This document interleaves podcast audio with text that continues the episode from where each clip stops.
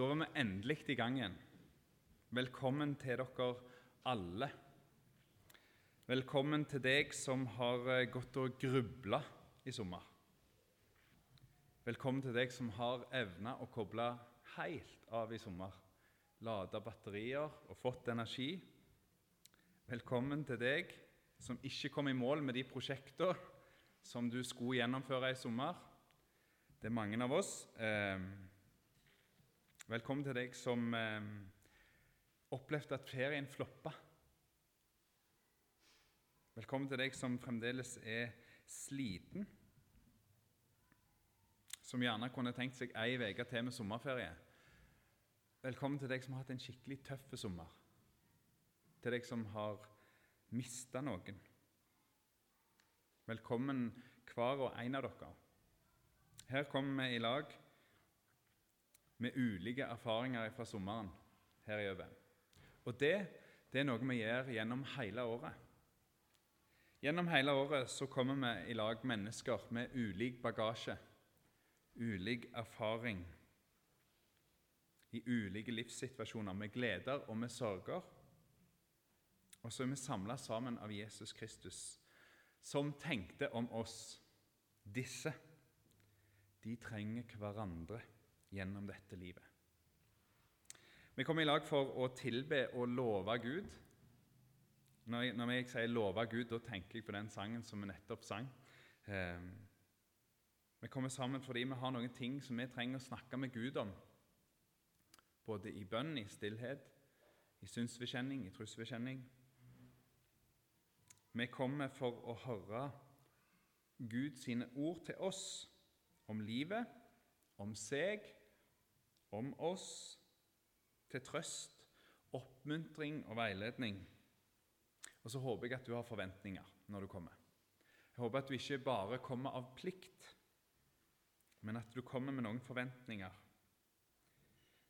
At det ikke er sånn at du egentlig bare er sliten av det å skulle være med på noe og delta på én ting til, og komme seg ut av huset med kanskje hele familien for å gå på gudstjeneste.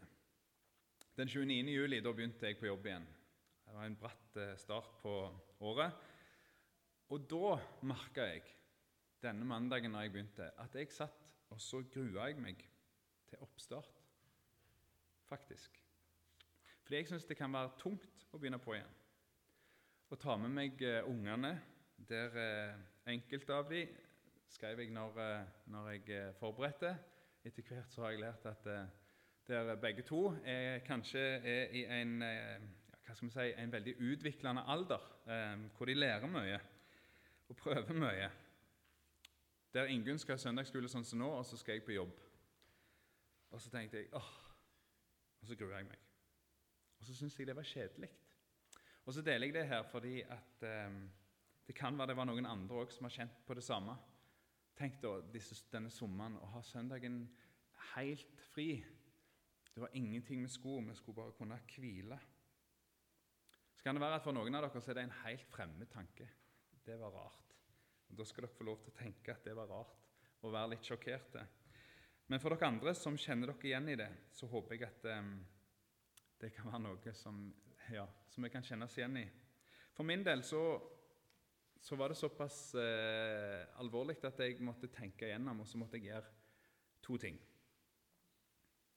Det første jeg måtte gjøre når jeg kjente på disse følelsene, her, det var det at jeg, jeg måtte finne ut av hvordan kan jeg få mer av den typen hvile som jeg er redd jeg mister når det er en ting jeg skal gå på. Sånn at det å komme i lag som Jesus sin flokk ikke er noe slitsomt. Hvordan kan jeg rydde plass for å få mer hvile? Og For meg så betyr det at jeg er nødt til å strekke denne tidsramma som jeg har gitt meg sjøl på å bli ferdig med hus, heim og hage og alt som følger med. Eh, den må jeg strekke litt lenger enn det som jeg i utgangspunktet hadde tenkt. Og så må jeg si her må vi ha litt mer fridager innimellom, hvor jeg kan få familiero og tid til venner. Det var det første jeg måtte gjøre. Ta noen grep i dette hektiske livet. Og Det andre jeg måtte gjøre, det var å tenke igjennom på ny. Hvorfor i all verden er det vi egentlig er her? Hvorfor samles vi til gudstjeneste? Hva var det vi skulle nå igjen? Jo, Vi kommer i lag for å lytte til Gud sitt ord til oss. Han som har skapt himmel og jord, alt vi ser rundt oss. Han som kjenner deg bedre enn fastlegen din. Han som kjenner deg bedre enn ektefellen din. Noen, I noen tilfeller kan ektefellen være lege i tillegg, og da kjenner en ekstra godt. Um, han som kjenner alle dine begrensninger han som vet om dine feiltrinn, din svakhet. Han som er full av nåde og sannhet. Vi kommer i lag for å høre Gud sine tanker om oss. For at han skulle blåse liv inn i oss. For at vi skulle få gå der som han hadde tenkt at vi skulle gå. Og det er noe vi kan gjøre med forventninger. Og få se stort på det at Gud ønsker å handle med oss. Vi ber. Far i himmelen, takk. Takk for at du plasserer oss på sida av hverandre. Takk for alt du gir oss gjennom hverandre. Takk for at vi kan glede oss med de som gleder seg, og sørge med de som sørger. Takk for at vi kan sette mot i hverandre hjelpe hverandre. Takk for at du snakker til oss. Takk for at du eh, taler fremdeles til oss liv, som gir oss liv. Jeg ber om at du må være med på denne gudstjenesten, og så ber jeg om at du må være med gjennom hele dette semesteret. At det kan få lov til å bli et semester som er til de ære, eh, til vår gagn og at vi får oppleve mye nåde ifra deg, Jesus. I Jesu navn. Amen.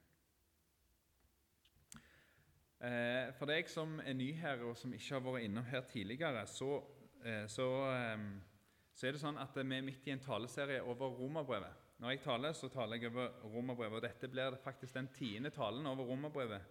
Og vi er bare kommet til kapittel seks, så det er raser liksom ikke av gårde med oss. De andre talene over romerbrev de finner du om du søker opp Ørstevolda misjonsforsamling på Spotify eller der du lytter til podkast. Eh, og så vil jeg bare si at den gamle podkasten eh, som heter ØVM, den har vi slutta med. Der var det ikke mer plass. Eh, så vi fant en plass der vi kunne ha så mye vi ville. Og da må du søke opp Ørsta Volda misjonsforsamling. På den andre så kommer det ikke nye. Og så kan du finne det på nettsida vår. Men om du ikke har lytta til de talene, eller om du ikke har lest romerbrevet, da blir du kanskje litt overraska over begynnelsen på denne teksten her. Eh, men jeg skal forklare det etterpå. Nå leste man den nettopp, men vi leser den en gang til. Eh, og vi leser fra Romerbrevet, kapittel 6, vers 1-11. Hva skal vi da si? Skal vi holde fram i synda så nåden kan bli så mye større? Langt ifra. Hvordan kan vi som har dødd bort fra synda, fremdeles leve i henne? Eller veit de ikke at alle vi som ble døpte til Kristus Jesus, ble døpte til døden hans?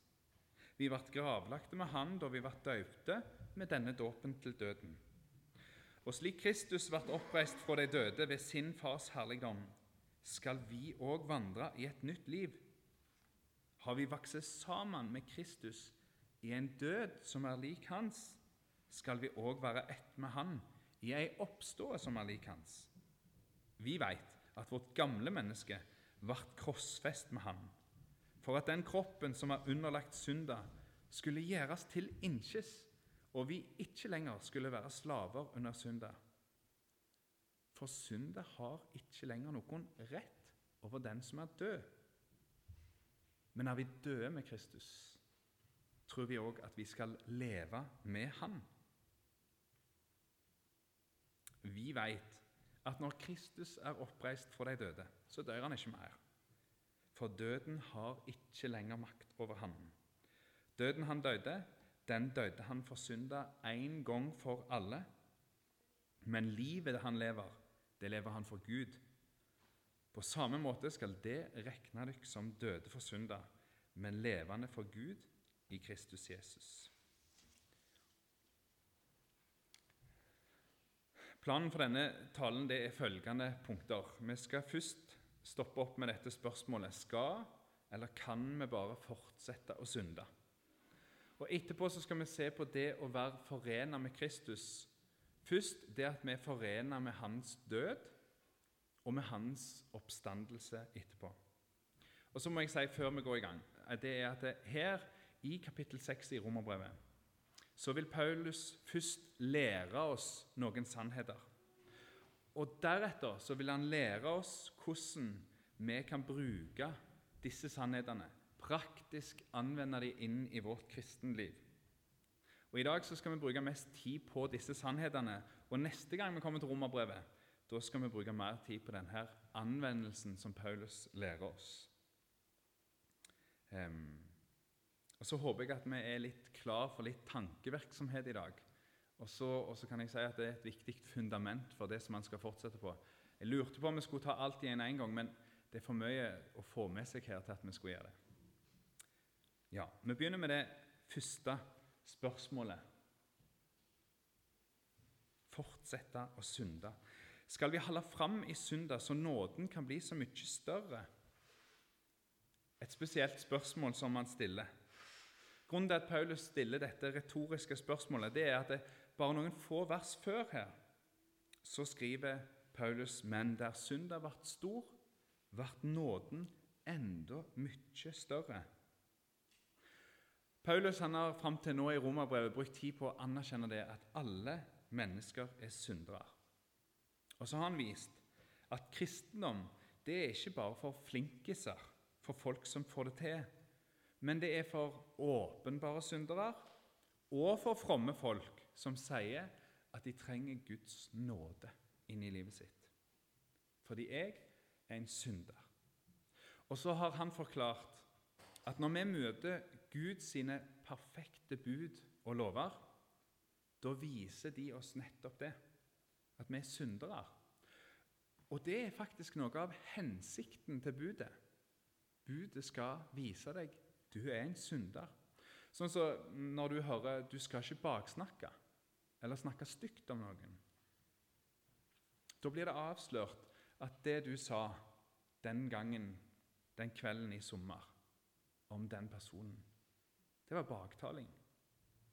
Og det skulle du ikke gjort. Det var galt. Og så erfarer du at synda blir, blir stor. Du opplever den som stor. Og nettopp dette var poenget, sier Paulus. Nettopp. Du har stor synd i ditt liv, men nåden den er så stor at den dekker over de synd. Og du kan bli tilgitt fullstendig pga. det som Jesus har gjort. Det er ingen synd som er så stor at den ikke kan bli tilgitt, for nåden overgår synda. Den er enda mye større. Og fordi Paulus nettopp har sagt det så tydelig, så har han et behov for å avgrense seg mot en forståelse i denne teksten her. Og så er det ikke bare for at vi ikke skal misforstå teksten rett før, men han skriver dette av en dypere grunn. Og det er fordi vi mennesker vi er skrudd sammen sånn at det er typisk for oss når vi hører evangeliet, når vi hører om nåden, når vi hører de gode nyhetene om at alt er gjort ferdig for oss, da er det typisk for oss å stille et sånt spørsmål Kan jeg bare fortsette å synde, da? Før vi går videre til Paulus sitt svar på det spørsmålet, så har jeg lyst til at vi skal dukke litt lenger ned i det og se på to måter som vi kan stille oss det spørsmålet, eller to forskjellige måter vi kan gi oss en sånn en unnskyldning til å fortsette å synde. Det er ikke så farlig. Jeg blir tilgitt uansett. Jeg tror mange, om ikke de fleste kristne, kan se tilbake på én gang, eller kanskje noen hundre ganger, i en periode i sitt liv der en tenkte sånn i møte med fristelsen til synd. Ah, det er ikke farlig. Jeg blir tilgitt uansett. Kanskje tenkte vi det fordi vi hadde forstått at det er Jesus alene som frelser oss. Vi hadde faktisk forstått at det, det handler faktisk ikke om mitt liv, men det Jesus har gjort for oss. Det som Paulus har brukt tid på å forklare nå, at når Gud ser på oss og tror, så ser han oss hele og rene og rettferdige i Jesus. Men så har det skjedd en delvis feilkobling hos oss, hvor vi bruker det budskapet til å tillate oss å gjøre synd som frister oss, til å være egoistiske, til å gjøre det som lystne sier at vi skal gjøre, til å gjøre de tingene som vi vet er galt. Vi blir jo tilgitt uansett. Det skal Paulus vise oss i fortsettelsen. Det er en feilkobling. I fristelsen så har du en annen utgave. En litt frommere unnskyldning, kanskje. Der en sier ja, når fristelsen kommer Se der, ja. Jeg er så full av synd, jeg. Jeg er så svak i meg sjøl at jeg makter ikke annet enn å gjøre dette her. Så ille er det med meg. Kanskje har en forstått noe av Guds budskap til oss om at vi faktisk er helt avhengige av Jesus sin frelse. Alle som én. Kanskje har vi forstått noe av dybdene av synda som bor i oss. At vi er innkrøkka i oss sjøl. Og på en eller annen måte så gir vi oss rom til å være sånne syndere. Og så lurer vi oss til å tro at vi er fromme, fulle av menneskelig innsikt på vei inn i synda. Det er òg en feilkobling som Paulus vil vise oss i fortsettelsen. Og Når Paulus skal prøve å svare på dette spørsmålet, kan vi da fortsette å synde? Kan jeg bare leve i denne synda? Da går han inn i et av mysteriene i den kristne trua. Og Jeg sier mysterium fordi at du, du skjønner at dette her Jeg klarer ikke å gripe alt dette. her, Men så kan vi allikevel forstå noe av det. Og det er at du som er kristen, du som har tillit til Jesus Du er forena med Jesus på tvers av tid og rom du er knytta sammen med Han på et forunderlig vis. Når Paulus skal forklare hva det er å være forena, vokst sammen med Kristus, så knytter han det til dåpen. Vi som er kristne, vi har vokst sammen med Jesus, hans død og hans oppstandelse, og det skjer i dåpen. Og For sindige lutheranere så er det ikke alltid så lett for oss å få øye på akkurat dette her. For i vår sammenheng, i vår kontekst, så bruker vi å ause vann over hodet på den som er døyper.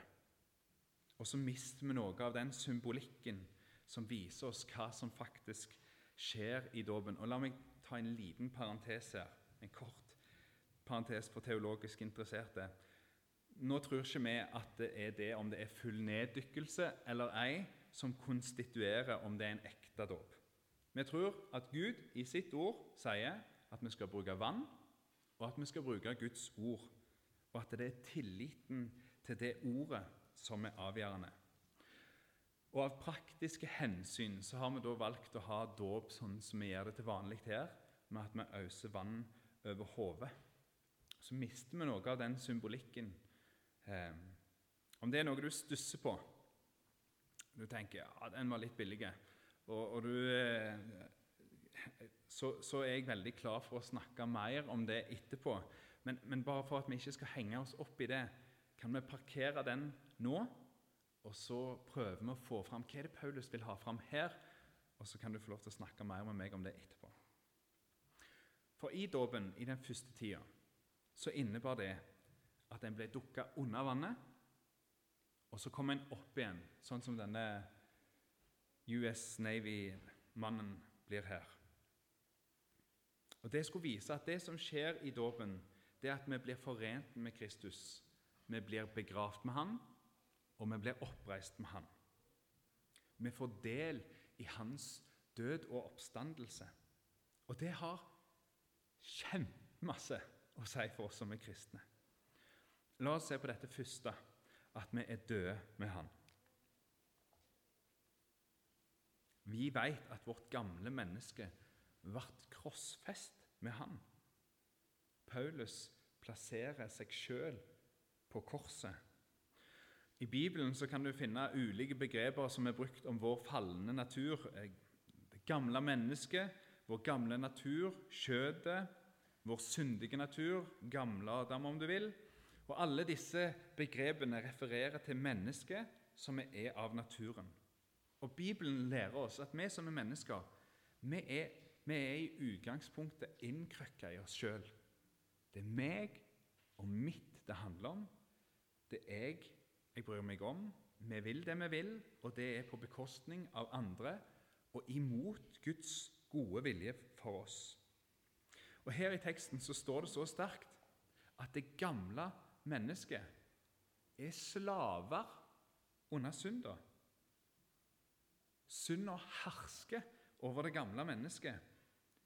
Og Så regner jeg med at du har erfart noe av denne sida ved deg.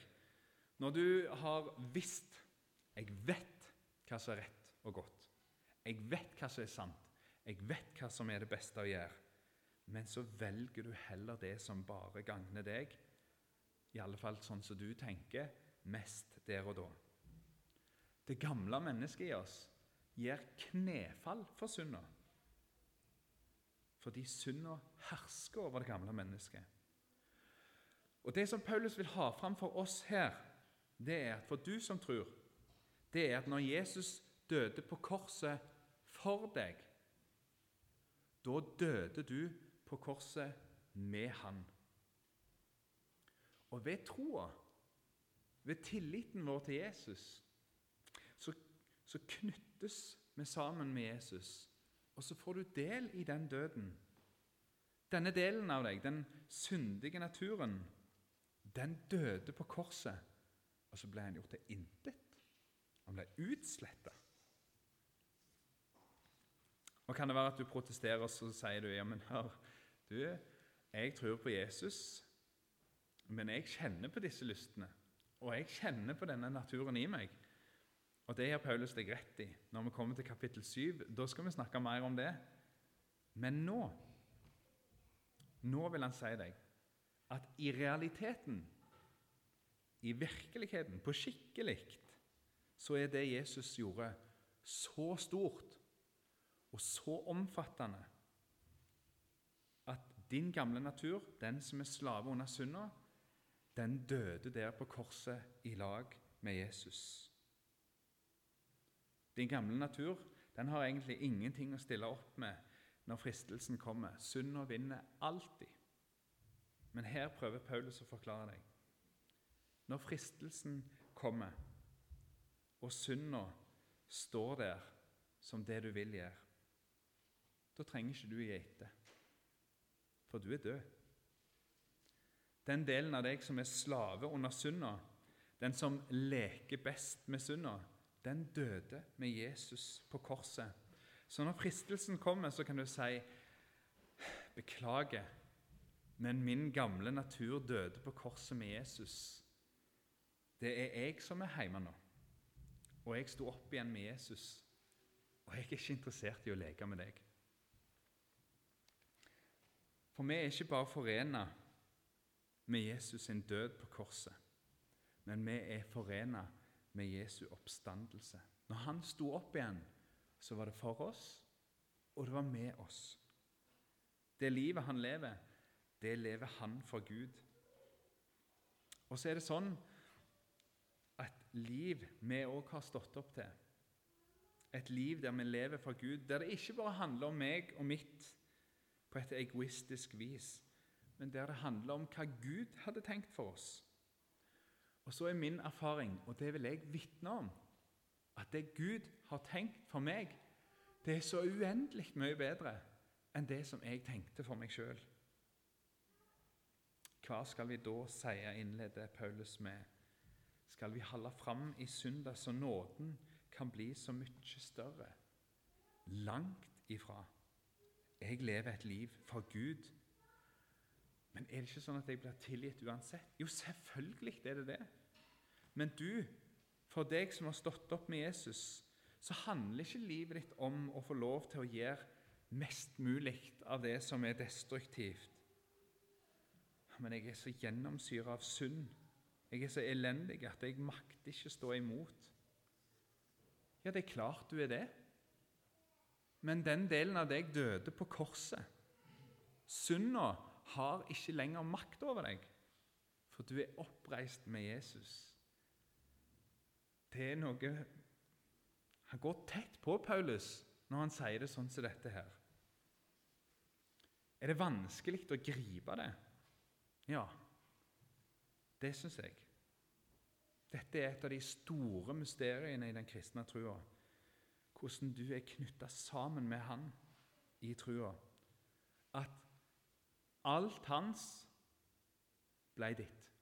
Alt. Og at alt ditt ble hans. Alt.